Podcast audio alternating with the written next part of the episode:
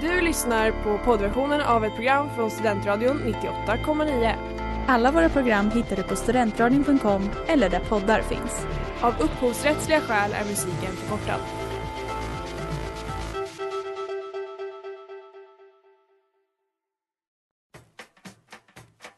Hur är Uppsala som cykelstad? Men, men alltså verkligen, cred till alla rättshaverister där ute. Vad har ni för relation egentligen till näthat? Det faktumet att man kan bli tvångsgift. En möpare, det är en militärt överintresserad person. De som argumenterar för att public service ska vara skattefinansierat. Systembolaget har ju liksom den stora fördelen att de faktiskt säljer sprit. Alltså det gör ju inte försvaret. Sen lunch med PK, ditt inrikespolitiska program.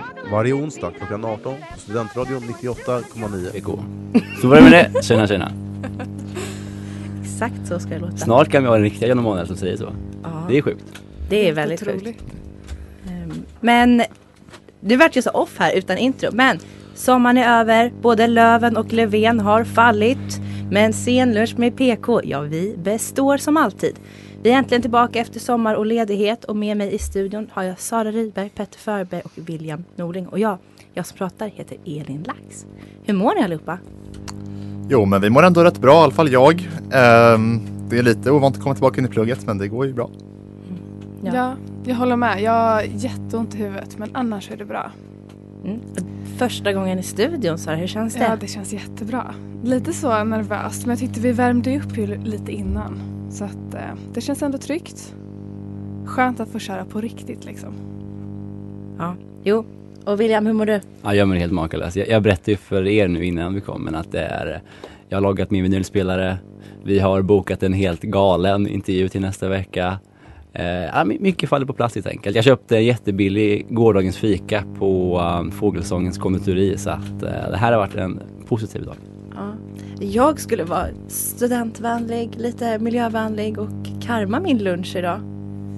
Karmar, är någon falafel, kommer fram, visar det. De bara, men nej, vi har ingenting till dig här. Och då hade jag betalat allt och så fick jag gå hem utan lunch. Så vart jag, det var inte lika mycket av en hit. Vet du vad det kallas? Scam. Karma. Verkligen. Ja, men, eh, så då, men då gjordes ju ändå min dag utav att vi då har lyckats kirra Jan Emanuel. Ja, det är helt sjukt. Det är- Helt sjukt. Helt sinnessjukt att sen lunch med PK kan ha skopet om sossarnas nya partiledare. Ja, nu måste man ju faktiskt eh, på något sätt kampanja för honom så att den här intervjun blir mer värd i framtiden. det är vi, det är inte P1. Det är inte, det är inte liksom de traditionella medierna Nej, här. nej, Utan det är nej. sen lunch med PK. Det är vi som har skopet först av alla. Ja, så brukar det vara. Exakt, vi, det är vi som driver.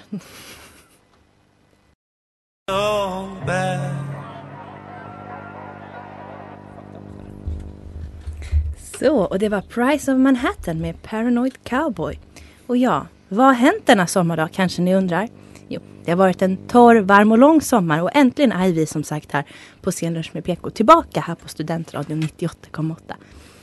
Men vad har hänt i vårt avlånga land medan vi i redaktionen varit på semester? Ja, för Stefan Löfven har det varit mycket intensiv sommar. Han har jobbat som boomerang. Han har förlorat sitt jobb, han har kommit tillbaka och sen sa han upp sig återigen. Men under den här välomkända om omröstningen var det ändå en partiledare som jag saknade, nämligen Nyamko Sabuni. Blev hon rädd för vad som liknade sådär enorma gängat här framme hos herr talman? Eller var det den där otroliga vändningen Liberalerna gjort med sin politik att hon inte längre vill eller kan försvara den för de där 2,3 procenten som fortfarande tror på en liberal politik? Andra nyheter som ungefär nåtts av 2,3 procent av den svenska befolkningen är ju skogsbränderna som har härjat i början av sommaren. Men en av de här politikerna som nåddes utav nyheterna om klimatkrisen var ju ändå Annie Lööf som gjorde det absolut mest miljövänliga och återanvände sitt tal från presskonferensen innan förtroendeomröstningen till under själva omröstningen. Lite besviken på det beteendet faktiskt. Är vi och partiledarna på samma nivå? Jag tycker inte det. När den där stressigaste av tiden var över för våra kära politiker, då tog de alla ut sin välbehövda semester. Och Ebba, ja, konservativ som den kvinnan är, så har hon ju precis upptäckt TikTok. Och Morgan Johansson och Ulf Kristersson, ja, de där vaderna fick ta sig ett simborgarmärke i år igen. Men de var på varsina bryggor och tävlade vet jag ej. Men mitt under all denna semestermani så tog ju p-pillret Klara slut i hela Sverige och kommer inte komma ut på marknaden igen förrän i maj 2022. Alla män i kvinnor i Sverige kunde leva smärtfritt utom Klara. Ja, för hon hade inget Kiara. Överlag har det varit en väldigt tuff sommar för tjejer och kvinnor i vårt land nu när hedersbrott har ökat när man återigen får resa utomlands. Men vi ska faktiskt inte glömma vilka som är de egentliga och de största offren i Sverige. Det är ju då alla influencers som har kämpat för att underhålla detta svenska folk och som nu äntligen har förtjänat lite semester. Semester utomlands. Nu vill inte jag vara den som var den. Jag vill inte vara en partypooper. Men är inte just resor utomlands den primära källan till den här ökade smittspridningen vi kan se i vårt land? Ja. Men vad har mer hänt? Jo, Sverige har varit på idrottsläger. Oh, nej, förlåt, jag menar OS. Kungen och drottningen har hälsat Armand Duplantis grattis till OS-guldet genom att säga att det var ju synd att du missade världsrekordet. Men motståndarna blev nog ändå rätt skräja när de hörde att kungen faktiskt hört av sig. Fotbollslandslaget har tagit silver i OS. Kan vi nu äntligen få slippa höra om VM 94? Ulf Malmros, Ann-Louise Skoglund och bröderna Ronnedal är inte längre Molnkoms största kändisar utan snacket har istället landat på Tantrafestivalen där deltagarna just a minute inte kunde hålla händerna för sig själva. Även om vi i Scenlunch med PK har gått på semester finns det några som har tagit lite för mycket semester. Och det är då nämligen Sverigedemokraterna som har glömt att anmäla några av sina kandidater till kyrkovalet nere i Skåne.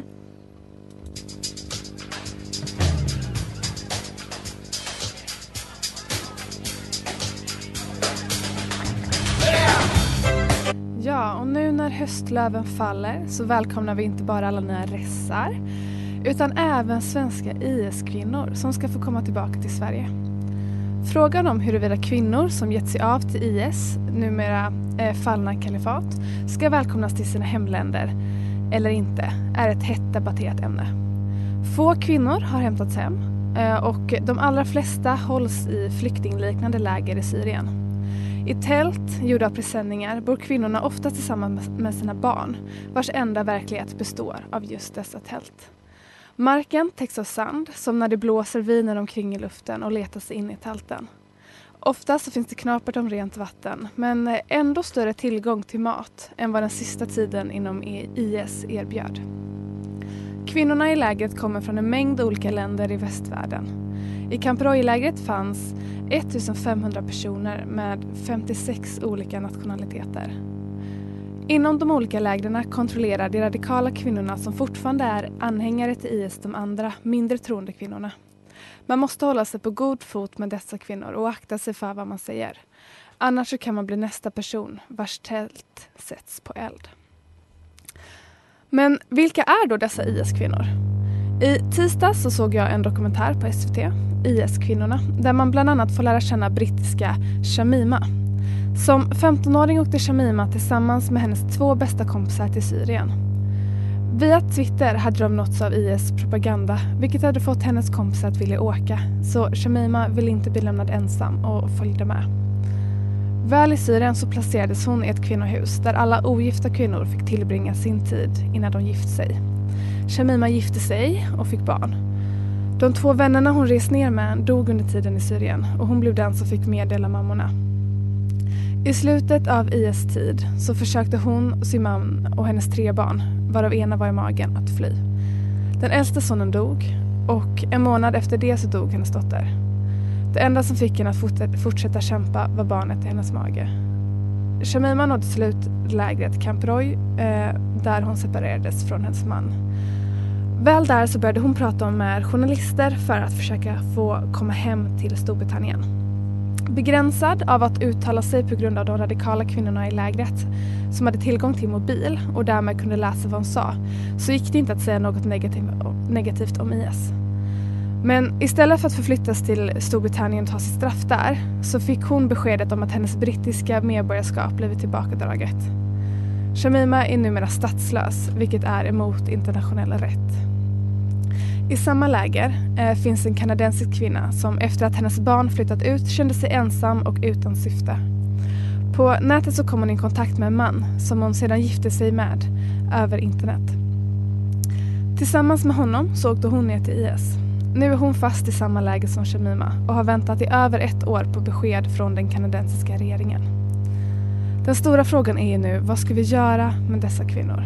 Vi fortsätter diskussionen efter lite musik. Hej, det här är Markus Krunegård. Det här är 98,9. En studentradio. Du lyssnar på den. Great.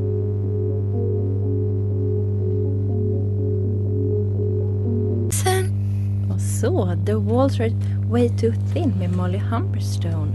Och Sara, ska du berätta, prata vidare här om IS-kvinnorna? Yes, vi är ju tillbaka och vi pratar om IS-kvinnor. Många som är fast i läger i Syrien utan varken hopp eller rättegång. Eh, har ni några spontana tankar om huruvida de här kvinnorna ska välkomnas tillbaka till sina hemländer eller inte? Alltså det är, det är ganska, jag tycker att det är ganska intressant att du säger att man ska välkomna till, tillbaka dem eller välkomna hem dem. Jag tycker ganska mycket så här att om man har om man är från ett västerländskt land och har anslutit sig till ett, en av de värsta terrorsekterna sedan andra världskriget som går helt emot västerländska värderingar och sånt där, då tycker jag nästan inte att man kan kalla västvärlden för sitt hem längre. Så jag tycker det här med att man drog tillbaka den här IS-kvinnans eh, brittiska medborgarskap tycker jag var ganska rätt gjort, även om det går emot internationella konventioner så att säga. Och eh, ja, men det är, vad, det är vad jag tycker i alla fall, så jag tycker nästan att de kan ruttna där nere. Okej, okay, så nej, nej från Petter. Elin? Men jag tänker absolut, man kanske inte håller med det IS står för. Det gör inte jag heller. Men det är väl inte så himla demokratiskt att säga att du får inte komma tillbaka. Du är medborgare i det här landet men du står för några värderingar som inte vi gör och då får inte du komma in i vårt land. De, hon är, de, i de här kvinnan i det här fallet är ju medborgare och det är ju inte demokratiskt att inte släppa in sina medborgare i deras hemländer. Nej, alltså där håller lite med dig Elin att det är svårt Nej, alltså nej, om det, inte, det kan ju vara olagligt att inte ta hem dem. Och eh, jag gillar ändå lagen till mångt och mycket. Ja. Å andra sidan, de är ju terrorister. Ja. Alltså, alltså det... det ska man inte sticka under stolen med. Nej, det ska man inte glömma bort. Den lilla detaljen. Jag slänger med det som en brasklapp. Men det är inte det jag säger att vi ska släppa in alla terrorister som är medborgare. Men det är i mångt och mycket så är det väldigt svårt att bevisa att de här kvinnorna faktiskt har gjort någonting. Majoriteten av de här kvinnorna har varit hemma, tagit hand om hemmet, sin man, sina barn. Väldigt traditionell kvinnoroll. Mm, men det är, det är sitt terroristhem och terroristman. Ja, och men barnen, de, de, de, de är oskyldiga. Och jag vill bara lägga till där att, att det är liksom, visst de har ju, det kanske är svårt att bevisa och sånt där men jag tycker så länge man Alltså man kan ju plocka hem dem men då ska de straffas hårt tycker jag i så fall. För liksom de har ju som sagt an, anslutit sig till ett av de värsta terrorsekterna. Så liksom det är ju Sen, sen såklart är det ju svårt i den juridiska processen men rent moraliskt så tycker jag att absolut att de inte ska få gå fria på gatan. Nej, det har ju varit svårt att veta hur stor delaktighet kvinnorna har haft i just här IS verksamhet. Om de bara då skött hemmet som nästan alla hävdar eller om de gjort någonting mer. Och det finns ju uppgifter om att det har varit kvinnor som varit med och patrullerat liksom på gator och sådana saker. Så det är svårt eh, att veta och det är svårt just liksom att få bevis för, eh, för vad de har hållit på med i, i eh, Syrien. Eh, och sen är ju nästa fråga liksom, vad är liksom ett lämpligt straff? Finns det tillräckligt mycket bevis för att dela ut fällande domar? Det är en så himla komplicerad fråga verkligen. Eh, men jag tycker definitivt att vi har ett ansvar att ta tillbaka dem för det är ju framförallt inte Syriens Syrien som, det kanske inte känns som det mest liksom, stabila landet. Liksom. Ska de ta hand om de här kvinnorna liksom, eh, som lämnat våra länder? Eh, det tror jag blir helt fel. Ja, ja och sen säg att Syrien skulle få ta hand om de här kvinnorna. Det, de kommer ju också, som du sa, att den här kvinnan var gravid. Eh, då innebär det barn. En helt ny kommande generation. Ska de då växa upp med liksom IS som värdering och ideal? Är det inte bättre att man välkomnar hem dem då till föräldrarnas hemland och så får de kanske växa upp med andra ideal så vi kanske liksom inte kommer ha IS i framtiden. Alltså barnen som vi sa tidigare är oskyldiga. Mm. Så, så det är, jag tycker de är en annan fråga. Ja. Och vi kommer nog inte bli ensamma om det här. Men det är ju det som är så bra med scener som är PK.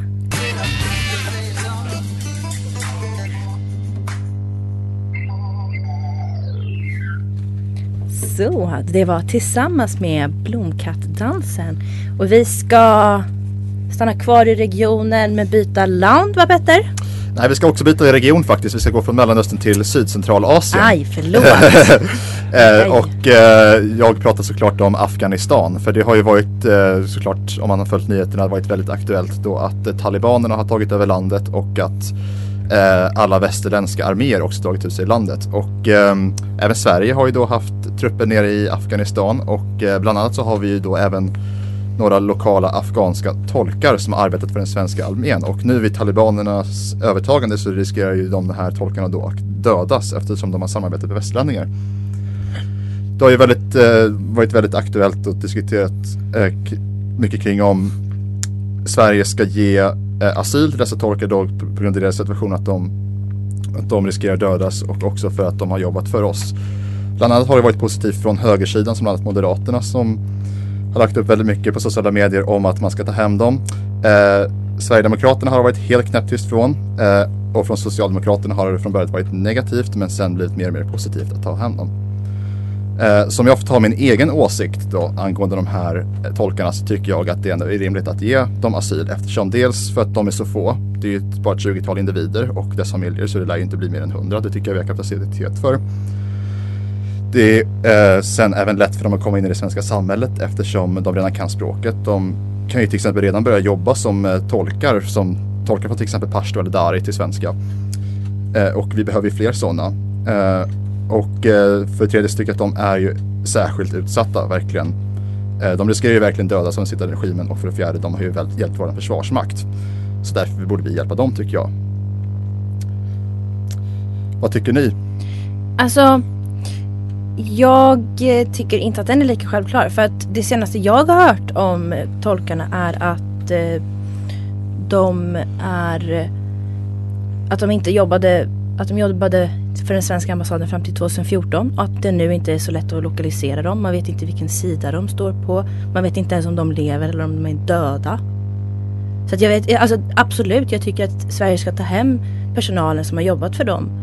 Men vi- alltså tolkarna är kanske inte de primärt som jag tycker debatten ska hamna på. Jag tycker det finns andra mer viktiga. Eller? Som IS-kvinnorna då. Ja men, Kan tillägga att IS-kvinnorna, de svenska, lär också vara under 100 personer. Jag tror det rör sig om kanske 50 Ja, men du ser. personer. du ser. Och det ska tilläggas också att det senaste jag hörde från UD innan de har gått silent det är att det skulle vara 900 personer det rör sig om. Fortfarande Ja. Morgan Johansson sa ju 10 000. Så man, det är väldigt oklart Ja. hur många det är. Men från vad jag har förstått så är det 20-tal. Ja. Mm. Men det är en svår fråga. Jag känner att de, på något sätt, så länge de kanske typ så här, det kanske är svårt att söka asyl just nu som det ser ut. Men kanske lite så här, hej jag är intresserad av att komma till Sverige. Hade väl varit nice. Så att Mm. det inte blir vårt uppdrag på något sätt att leta rätt på alla. Eh, men det känns ju otroligt att Ja. det kommer bli så. Nej men alltså för det finns ju svenska medborgare i Afghanistan som vi inte hjälper komma hem. Mhm, Eh, vilka då? som, som är och hälsa på släkt, typ på semester, hälsa på släkt nere i Afghanistan och sånt där.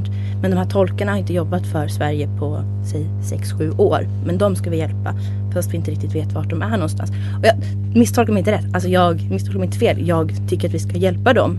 Men jag vet inte, vi kanske ska fokusera på alla svenskar. Alltså Ja, det är, det är en svår fråga. Ja. Men rent moraliskt så tycker jag att vi ska ta hem dem. ja, jo men Och det, tycker tror jag också. många här eh, håller med om. William, du är väldigt tyst. Ja nej men jag- jag är för en gångs skull på Petters sida. Jag tycker alltså, om man, för det är också skillnad på de som liksom riskerar sitt liv för att hjälpa som svenska soldater versus de som åker, åker till Afghanistan nu för att hälsa på släkt och vänner när det ändå ser ut som det gör. Sen Ja. absolut, svenska medborgare borde ju få eh, bra hjälp att ta sig hem om det är så. Alltså jag, jag tycker att vi ska hjälpa tolkarna men jag tycker inte att man ska glömma bort den här informationen runt omkring att de inte jobbat på ambassaden nu. För det trodde jag först att det gällde. Att de jobbat nu nu på ambassaden så. Men ja, vi är återigen inte sams. Men det är det som är så spännande här på Sceners med PK på Studentradion 98,8.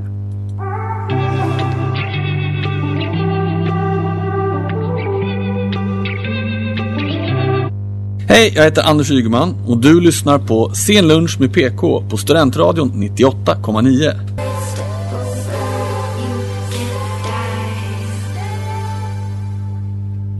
Så, är det, går en sändning utan att jag har teknikstrul? Nej, jag tror inte det va. Men det var i alla fall In the Sea med Eavesdrop som ni precis fick höra. Och nu stannar vi kvar i den här geografiska regionen som jag faktiskt har koll på.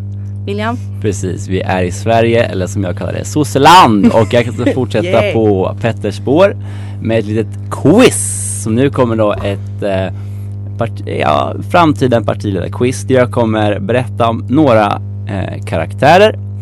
Jag kommer inte säga vem det är, men jag kommer nämna till exempel fordon, kuriosa, gymnasiebetyg. Eh, ge mig ett litet smeknamn. Efterhand ska ni få berätta vem ni helst hade haft som statsminister och även gissa vem som är vem. Så vi börjar med den första personen. Fordon. En Peugeot 308 från 2012. Har eh, studerat bland annat vid Harvard University och Handelshögskolan i Stockholm. Oj, oj, oj. Bergsklättrare och har varit simmare på elitnivå. Eh, hen kallar sånt kaffe latte man köper i pappmugg på café för lyxkaffe eller dyrkaffe. Eh, och jag kan säga att det är helt makalösa betyg. Ni ska inte gissa vem det är än. Men vi kan då säga att det här är bergsklättraren. Och som sagt, eh, hade femmer i nästan allting. Känns det här som en bra kandidat? Vad säger ni? Ja, Nej, men Ja. gud ja. Det enda tveksamma är ju den här personen då. Men- som är en jävla skitbil. är en take away latte en lyxkaffe? Dyrkaffe. En dyr kaffe? Ja, ja, okej. Mm. Ja. Okej. Säger hon Ja, som om- köper Pressbyråkaffe för 10 kronor. Det gör nog kanske den här personen också, Ja. vad vet jag. Eh, hen är väl van vid eh, gratiskaffet man får på eh, regeringskansliet. Mm, skattebetalarnas pengar. Ja, eh, på pappret en väldigt eh, mm, lovande person. Mm. Ja. Vi går vidare. Eh, den här personen kallar jag Gryffindor-farsan. Eh, bil, en Volvo XC70 från 2015, riktig pappig Ehm, precis. Har, eh, och det här då, jag har tagit mycket från en eh, text i Aftonbladet där de så listar upp då eh, betyg, fordon, eh, lön, bla bla. Även kuriosa. Och den här personen på kuriosa har, han eller hon äger en Harry Potter-slips i Gryffindors färger. jag vet inte äh, att det... Jag vet inte om det stärker den här personens eh, trovärdighet eller gör Om det är också dens bästa kuriosa så jag vet jag inte vad. Jag kan säga att för detta gymnasieminister och minister för någonting nu, vet hon Aida Ja, hon som åkte dit för rattfylleri i alla fall. Hon hade kuriosan gillar strandpromenader. eh, så att det, det är inte den sämsta kuriosan jag har läst. datingprofiler. jag kan säga att betygen är ganska bra. Eh, det är inte lika bra som bergsklättraren men, men, men ganska bra. Men, låter helt okej som eh, partiledare, eller vad säger ni? Inga... inga Nej, det låter helt Det OK. låter helt okej. Ja. Alright, vi går vidare. Fordon, noll. Inga alls. Um, djurgårdare och spräckte revbenet i en korpmatch för år sedan. Halvtaskiga betyg. Men har läst en termin kriminologi på SU, liksom. that's it. Lite, Den här sista är ju inte bra. Det känns ju inte bra. nej, men eklektisk i alla fall. Ja. Vi har Fröken, en karaktär som kör en Volvo XC60 och en Volkswagen Bubbla från 72. Ehm, spelar klassisk gitarr, tycker om att sjunga, har en lärarexamen och bra betyg. Mhm. Spännande. Ja, helt okej. Vi har en person jag vill kalla Sveriges bästa, bäst klädda man 2018. Han kör en Seat eh, Tarraco från 2019. Han var Sveriges bäst klädda man. Eller hon- ja, ni Ja, hörde ja, det var. var- Eh, ja. 2018. Ja, Södra könet. Eh, fotbollsgalen hejar på United. Mm, väldigt bra betyg också. Ja. Eh, vi har radioamatören, tillika kommendör av palestinska förtjänstorden. Kör en Volvo Amazon från 66. Oj. Tidigare journalist. Eh, haft många företag men dåliga gymnasiebetyg.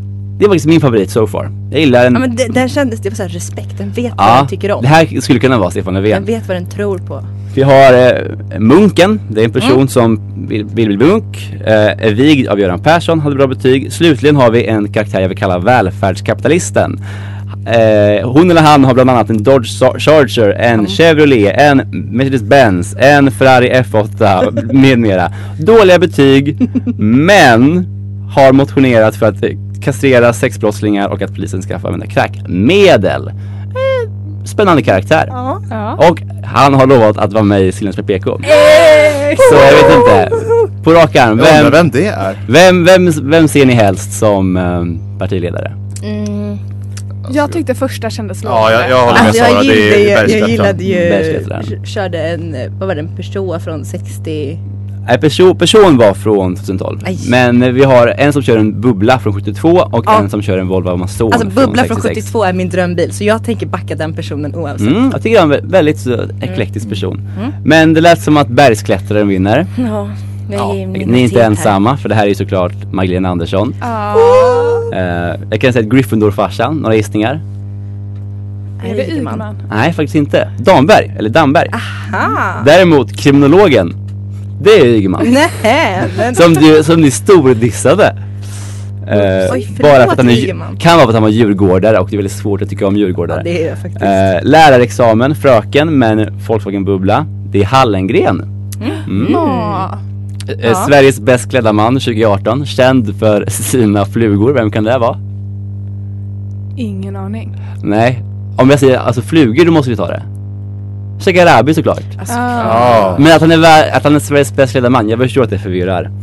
eh, eh, radioamatören och journalisten, kommendör av palestinska förtjänstorden med Volvo Amazonen, Mm. Hultqvist såklart. Det är Borlängeblodet va? Just båda. Här har vi en karl som verkligen tycker om raggmunk. Det, är liksom, det, det hör man på. Ja, nu förstörde du det lite Ja. William. Eh, munken, Mm. vigd av Göran Persson, Mm. Eh, kör en elbil, väldigt modernt. Ja, trendigt. Tidigare energiminister Ibrahim Baylan, även kompis till min mammas bästa, eller bror till min mammas bästa kompis. Oj. Så att Oj. vill vi ha honom kan vi Ja, men Ja, gärna. verkligen. eh, Det jag inte kommer berätta är ju vem välfärdskapitalisten är. Det får ni helt enkelt lyssna på nästa vecka, Ja. vem det kan vara. Vem kan det vara? Det är spännande. Ja. Och där... Ja, den enda konstanten i det svenska inrikespolitiska kaoset, Seners med PK, är eh, återigen tillbaka men vi rullar mot vårt slut. Och med mig i studion har jag haft William Norling, Petter Förberg och Sara Ryberg. Och jag som pratar det är fortfarande Elin Lax. Vi ses nästa onsdag 18.00. Du har lyssnat på poddversionen av ett program från Studentradion 98,9. Alla våra program hittar du på studentradion.com eller där poddar finns. Och kom ihåg, att lyssna fritt är stort, att lyssna rätt är större.